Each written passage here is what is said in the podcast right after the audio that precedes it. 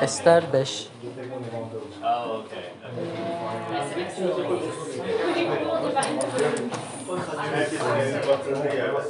Birinci bölüm. 5. bölüm. 5.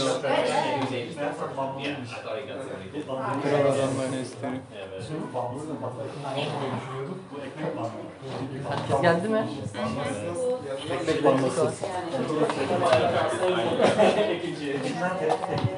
Tamam mı bizim? Evet. O yok mu? Yok mu? kol da. Ha, anladım. Aynen. Ne ne oldu? o zaman tekrardan hoş geldiniz. Nasılsınız? Gerçekten mi? Neden? Çünkü bence fiziksel olarak artık kilise olarak buluşabiliyoruz o yüzden. dir diye düşünüyorum. Doğru mudur? Doğru. Bir de yürüyebiliyoruz. Onun için. Mesela şu an yürüyebiliyorsun değil mi? Çok net bir şekilde, işte sağlıklı bir şekilde. Yani Yani doktora gittikten sonra mı oldu yoksa şey mi? Hani yani nasıl güzel? evde yata yata oldu. Peki düzelmenin sebebi evde yata, yatman mıydı? Hem doktor hem ilaç Evet. hem evde yat. Ve en önemli şey? Ve ta- Tanrı yani.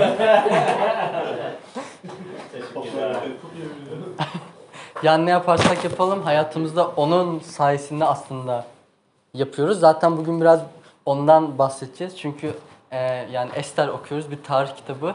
Oradan ne çıkarabiliyoruz ona bakacağız. Ama öncelikle bir kişi mezmurlar yani 91. mezmuru okuyabilir mi? 9. ayetten sonuna kadar.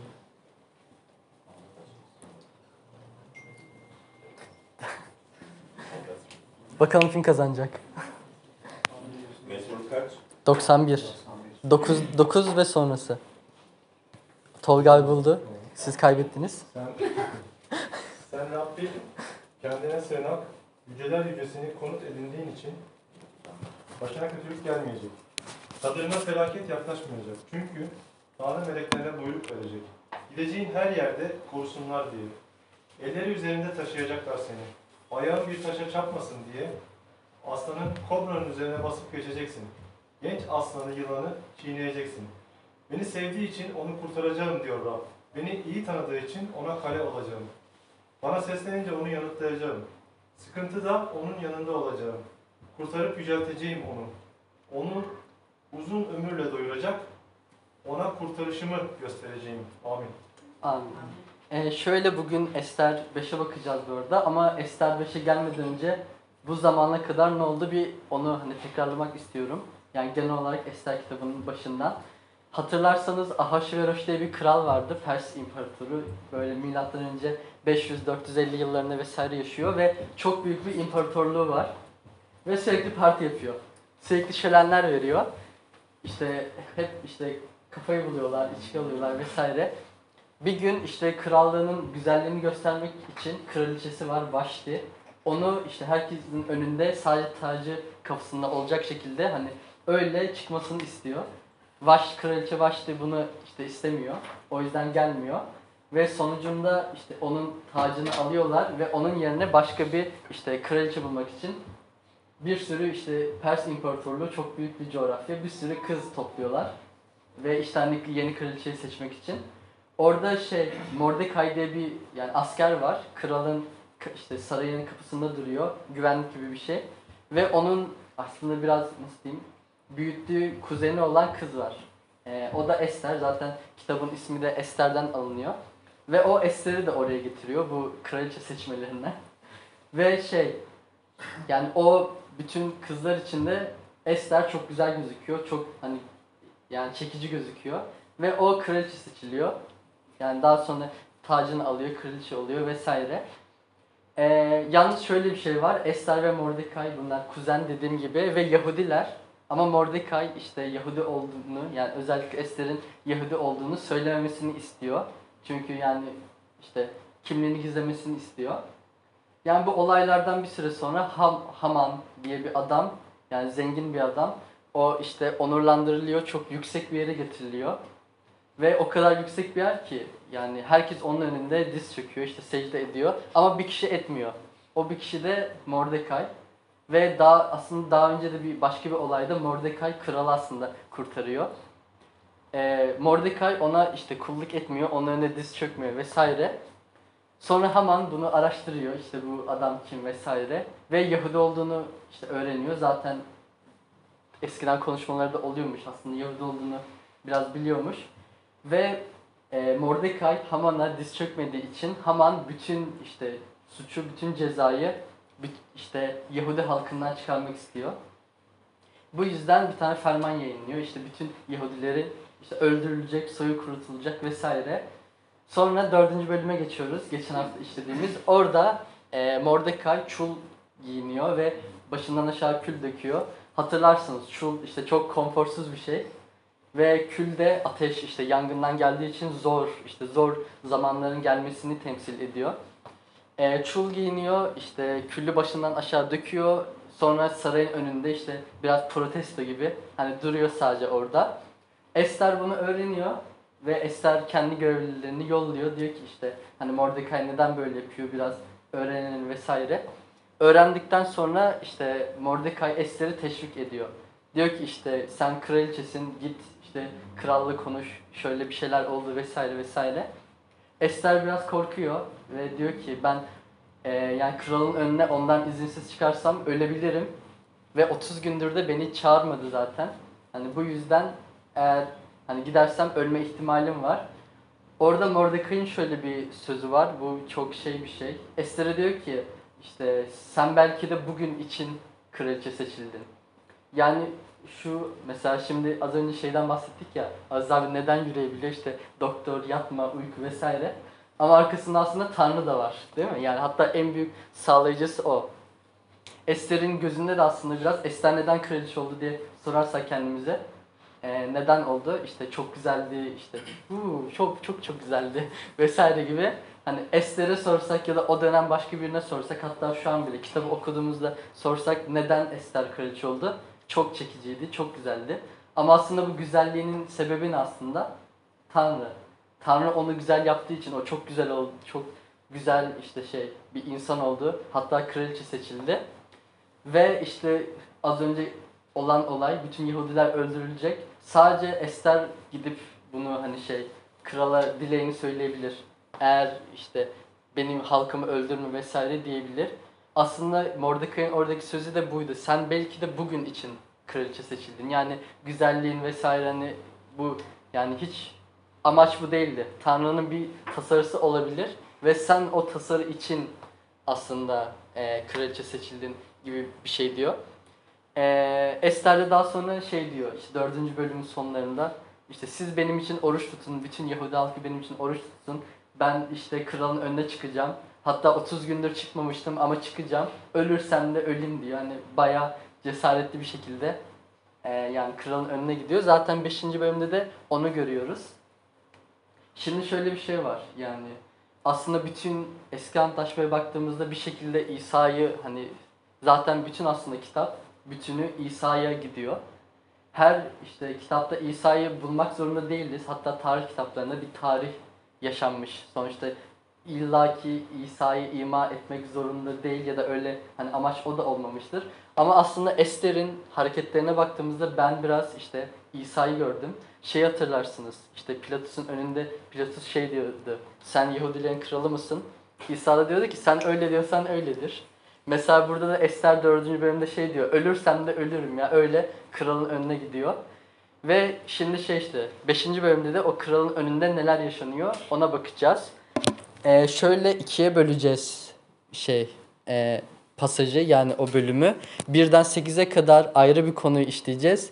9'dan son işte bölümün sonunda da ayrı bir konuyu e, işleyeceğiz. Öncelikle Ester 5. bölüm 1'den 8'e kadar. Okumak isteyen var mı? Ali okumak istiyormuş. Hemen okuyacak. 8'e kadar. Aynen ama 8 dahil. Üçüncü gün orada mı? Birden. Ee, üçüncü gün. Üçüncü gün Ester e, kraliçe giysilerini kuşanıp sarayın iç avlusunda taht, taht odasının önünde durdu. Kral bu odanın giriş kapısının karşısındaki tahtında oturuyordu. Avluda bekleyen kraliçe Ester'i görünce onu hoşgörüyle karşılayıp elindeki al- altın asayı ona doğru uzattı. Ester yaklaşıp asanın ucuna dokundu. Kral ona ne istiyorsun kraliçe? Ester dili, Ester dileğin, dileğin ne diye sordu. Kralı, krallığın yarısını bile istesen sana verilecektir. Ester kral uygun görür, e, görüyorsa bugün kendisi için e, vereceğim şöyle Haman'la birlikte gelsin diye karşılık verdi. Kral adamlar adamlarına Ester'in isteği, isteğini yerine getirmek için Haman'ı hemen çağırın dedi. Böylece krala Haman Ester'in verdiği şölene gittiler. Şarap içer, içerlerken kral yine Ester'e sordu. Söyle ne istiyorsun? Ne istersen verilecek. Dileğin nedir? Kral, kralın yarısını bile istersen sana bağışlayacağım. Ester isteğim ve dile, dileğim şu diye yanıtladı. Kral benden hoşnutsa istediği isteğimi vermek, dileğimi yerine getirmek istiyorsa kral ve Ham- Haman yarın kendileri için vereceğim şöyle gelsinler. O zaman kralın sorusu yanıtlarım. Teşekkürler. Aslında bu şey olayına biraz devam etmek istiyorum. Hani Ester ve İsa'nın benzerliği konusu. Sonuçta Ester de ölüme yürüdü. İsa da ölüme yürüdü. Yani aynı şekilde. Ve 5. bölümde aslında benim en çok gözüme çarpan şey şuydu. Ee, Ester kral, kralın önüne gidiyor. Yani kral onu evet affediyor işte ta- şey asasını eğer işte uzatırsa o zaman yani ölmeyeceksin demek. Ama çoğu insan yani ölebiliyor o durumda. O tarihi bir şey. Ee, burada şu çok önemli. Kral işte şeye ne diyor Ester'e? Diyor ki hani ne istiyorsan alabilirsin. İşte krallığımın yarısını bile alabilirsin. Ve Pers İmparatorluğu o zaman işte bayağı büyük. Şu an yok burada. Bayağı büyük bir imparatorluk. Hani istersen krallığımın yarısını bile sen hani alabilirsin gibi bir şey diyor. Burada benim aklıma şu geldi. Yani hatırlarsanız işte şeytan işte İsa'yı alıp şey yapmıştı. Bir yüksek bir yere götürmüştü. İstersen bunların hepsini sen alabilirsin. Hepsini sana verebilirim demişti. Ve Luka 4'te hatta onu da ben bir okuyayım.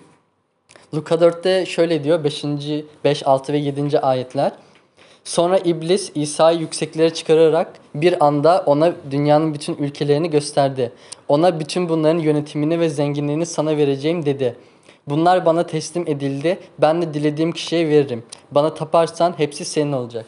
Fakat burada yani hatırlıyoruzdur bu bölümü de. Matta'da vesaire de var. Burada yani İsa onu reddediyor. Hatta az önce 91. mezmurda okuduk. Hani şey burada düşüyor yani düşersen ne olur vesaire gibi bir olay geçiyor. Tanrı meleklerine emir verecek, seni kurtaracak vesaire. O olayın geçtiği yer burası. Ee, yani aynı aslında şeyler var gördüğümüz gibi. Aynı teklifler, aynı şeyler. Ve aslında amaçlar da biraz çok birbirine benziyor. Mesela e, Esther'in iki tane amacı var genel olarak. Yani krallığı, is- spoiler vermeyeceğim ama krallığı istemiyor. iki tane amacı var aslında Esther'in. Birisi şey, kendi halkını kurtarmak. İkinci amacı kendi halkının güvenliğini ve saygınlığını yükseltmek.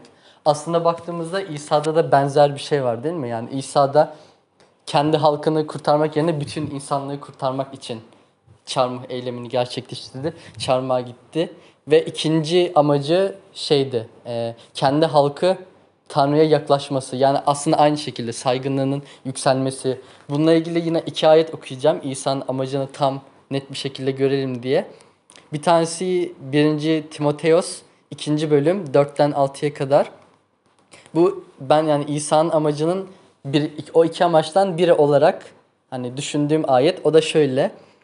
O bütün insanların kurtulup gerçeğin bilincine erişmesini ister. Çünkü tek Tanrı ve Tanrı ile insanlar arasında tek aracı vardır.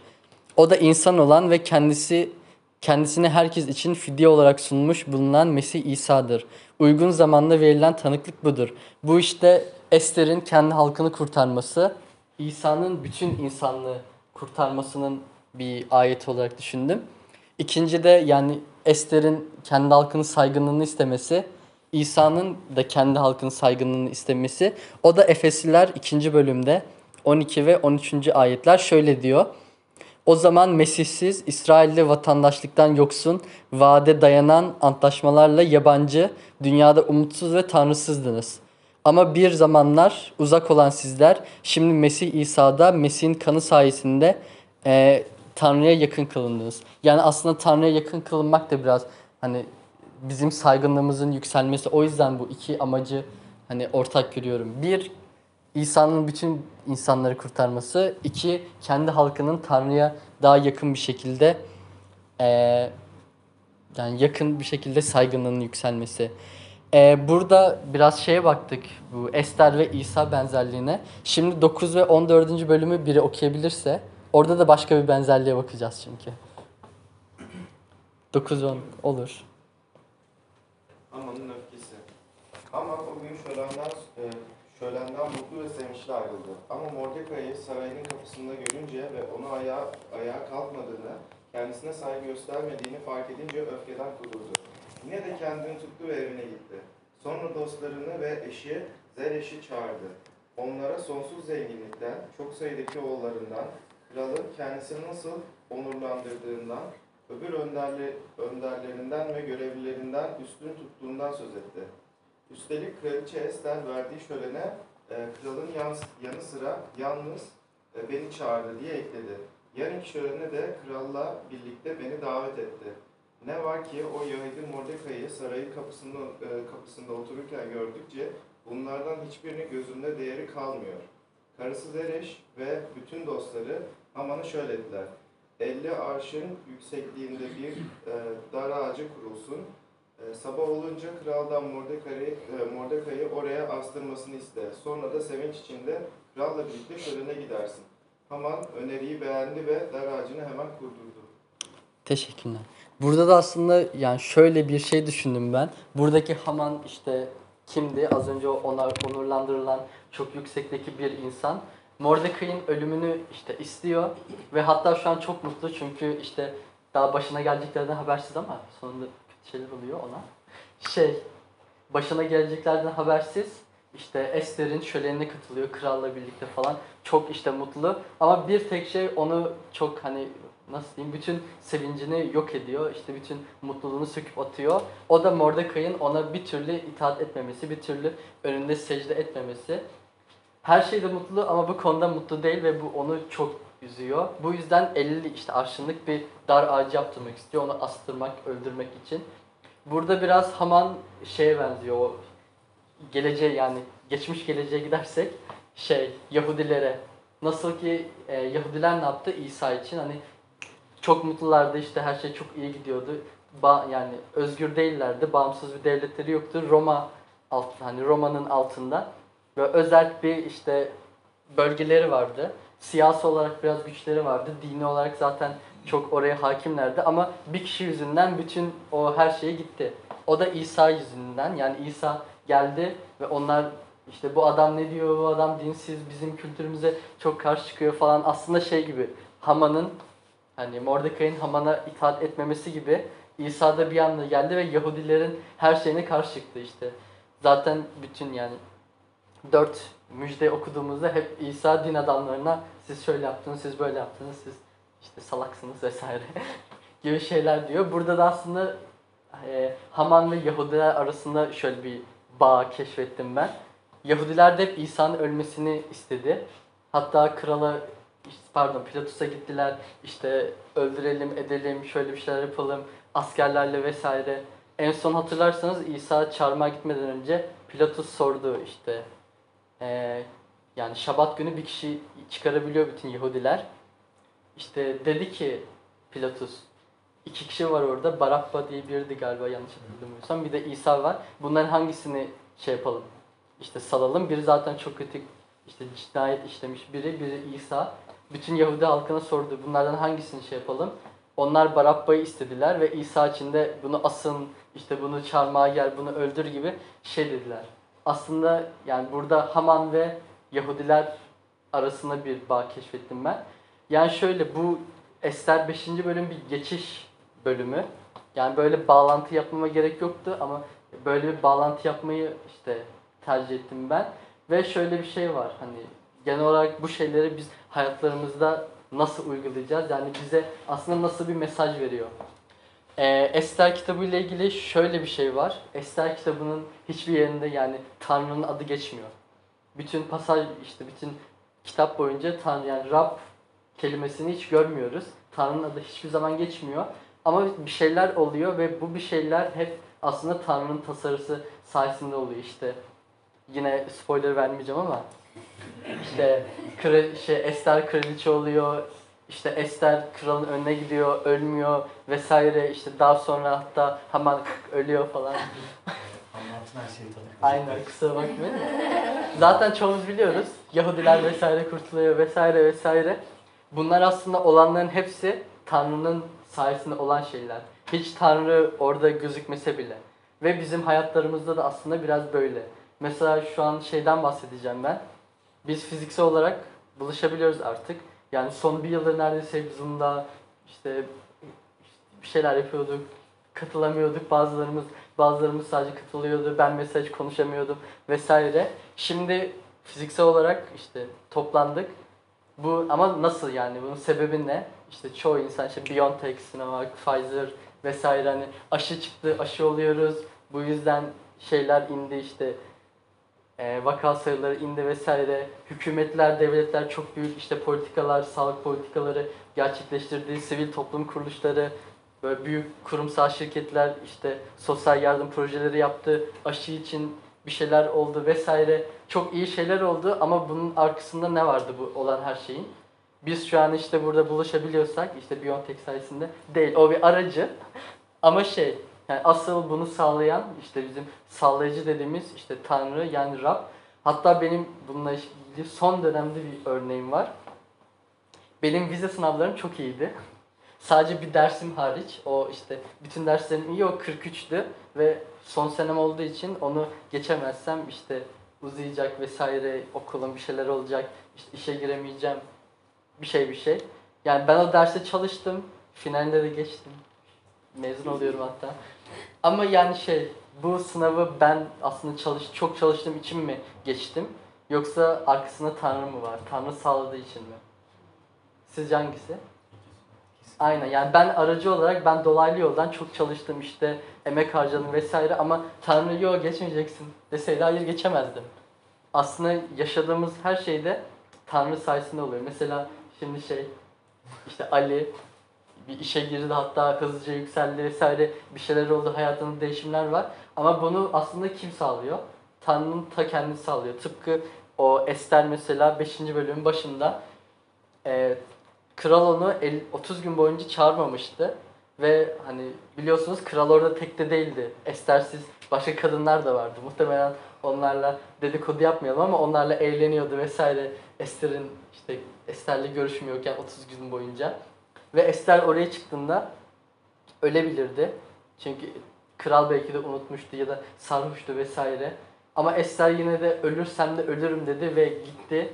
Hani ve ölmedi. Hatta isteğini söyledi. Kral ona sana ülkemin yarısını bile verebilirim dedi. Bunların hepsinin sebebi yine Ester'in güzelliği değil aslında. Tanrı'nın işte sağlayıcı olması. Her zaman diyoruz ya Rab sağlar, Rab sağlar. Ve ilk girişte okuduğumuz işte Mezmur 91'de de şunu diyor. Yani meleklerine emir verecek ve o seni kurtaracak aslında. Biz bazen hayatlarımızda işte Tanrı'yı unutuyor olabiliyoruz.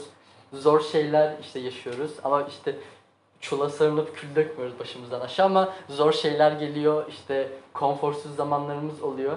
Bazen Tanrı'yı görmüyoruz ama sonunda eğer bir şey başarıyorsak bu bizim de başarımız olmuyor aslında. Bu Tanrı'nın başarısı oluyor. Yani ben iman etme- etmeden önce de yani işte sınavlarım iyiydi, çalışkan bir çocuktum falan. Ama şunu fark ettim, iman ettikten sonra benim bugüne kadar başardığım her şeyin ben dolaylı olarak işte evet çalıştım, bir şeyler yaptım, kendi ayaklarımın üstünde işte efor sarf ettim. Ama bugüne kadar başardığım her şeyin yani sizlerin de öyle aslında. Başardığımız her şeyin sebebi yani Tanrı. İşte çok zengin olabiliriz, çok iyi işlerimiz olabilir vesaire. Ama bunun yani biz dolaylı olarak sadece içindeyiz. Ester kitabında da Tanrı'yı hiç görmüyoruz ismini. Ama biliyoruz ki Yahudi halkı kurtulduğunda onu kurtaran hatta Mordecai onurlandırılacak vesaire. Şu an bütün hikayeyi de anlattım. Ama bunların hepsi hani Tanrı orada gözükmese bile bütün sağlayıcısı, bütün o yapı taşı eee, yani şey Tanrı'nın ta kendisi. Bu yüzden aslında şu anda ben hani bu şey için şükretmek istiyorum. Zaten dua edeceğim. Şöyle şey, bugüne kadar yap, başardığımız, kazandığımız her şeyin sebebinin Tanrı olduğu için biz onu tanımıyorken bile o bizi kurtardı. Hatta ilk o bizi sevdi diyoruz ya sonra biz onu sevdik. Önce o bizi kabul etti. Sonra biz onu kabul ettik. Hani buna rağmen işte şey yani bunlar olurken biz sürekli şükretmeliyiz Tanrı'ya hayatlarımızda olan şeyler için. Bazen çok işte pesimist olabiliyoruz, karamsar olabiliyoruz, kötü düşüncelere dalabiliyoruz. Ama biz o düşüncelerden çıkınca aslında bizi Tanrı sayesinde oldu bu. Bizi kurtaran, bu düşünceleri aklımızdan, yüreğimizden silip atan o. Bu yüzden ben bir dua etmek istiyorum. Bütün işte başarılarımız için, işte Ester gibi ölmediğimiz için, işte kralın önüne gidip bunun için bir Tanrı'ya şükretmek istiyorum. Ondan sonra dua isteklerine geçebiliriz. Ben bir şimdi dua edeceğim. Ee, Rab bugün senin sözlerini öğrendiğimiz için çok mutluyuz. Bugün yani senden bahsettik, seni övdük ve senin ne kadar mükemmel, senin ne kadar yüce, senin nasıl her şeye gücünün yettiğini öğrendik, gördük. Zaten bunu biliyoruz, bunu hiçbir zaman unutmuyoruz. Rab sen bizim dilimizdesin, dilimizden çıkan her şey sensin. Sen bizim aklımızdasın, düşündüğümüz düşüncelerimizin sahibi hepsi sensin. Ve sen yüreğimizdesin, yüreğimizi yönlendiren, eee, bize liderlik eden sensin. Bugüne kadar burada neler başardıysak, neler yaşadıysak biliyoruz ki bunların tek sağlayıcısı sensin. Bunların hepsini sen sağladın, hepsi senin sayende oldu. Rab sana çok şükrediyoruz. Bugün burada bize iyilikler verdin. Burada ailelerimizi yani bizleri bereketledin, ailelerimizi bereketledin. Rab bugün senin önüne geldiysek bunun başarısı sensin. Senin sayende buraya geldik. Çünkü sen bizi sevdin ve sen bizi kabul ettin. Rab bizi kendi halkın yaptın eee, ve sana yakınlaşmamızı istiyorsun. Bu yüzden oğlunu fidye olarak bize sundun ve aslında yine bizim kurtuluşumuz için eee, kendini feda ettin o çarmıhta. Üç gün sonra dirilip bizim günahlarımız eee, için, bizim sonsuz yaşamamız için sen de eee, dirilerek sonsuz yaşama vardın eee, İsa Mesih kimliğinde.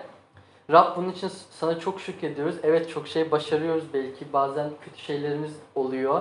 Ama biliyoruz ki bunların hepsi senin sayende. Biz dolaylı olarak sadece bir şeyler yapabiliyoruz. Bunların tek sağlayıcı sensin. Bu sağlayıcılığı sağladığın için ve eee, bu yani her her şeyi sağladığın için sana çok teşekkür ediyoruz.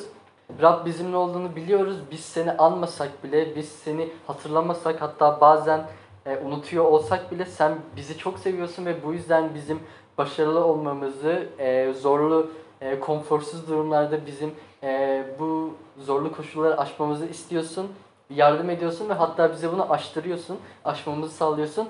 Bu yüzden sana çok teşekkür ediyorum. Burada bütün kilisemiz adına bizimle birlikte olduğun için sana çok çok teşekkür ediyorum. Ne kadar teşekkür etsem azdır.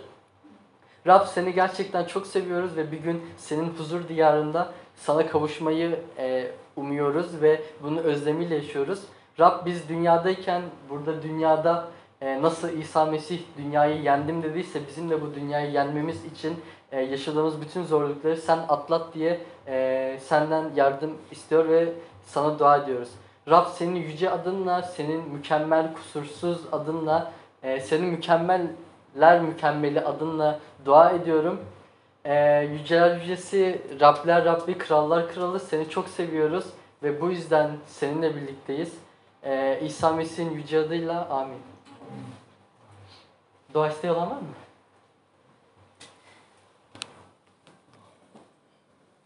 Vardır. Değil mi? Olsun lütfen. Yoksa Tanrı her şeye saldığı için gerek yok. Bu diyoruz.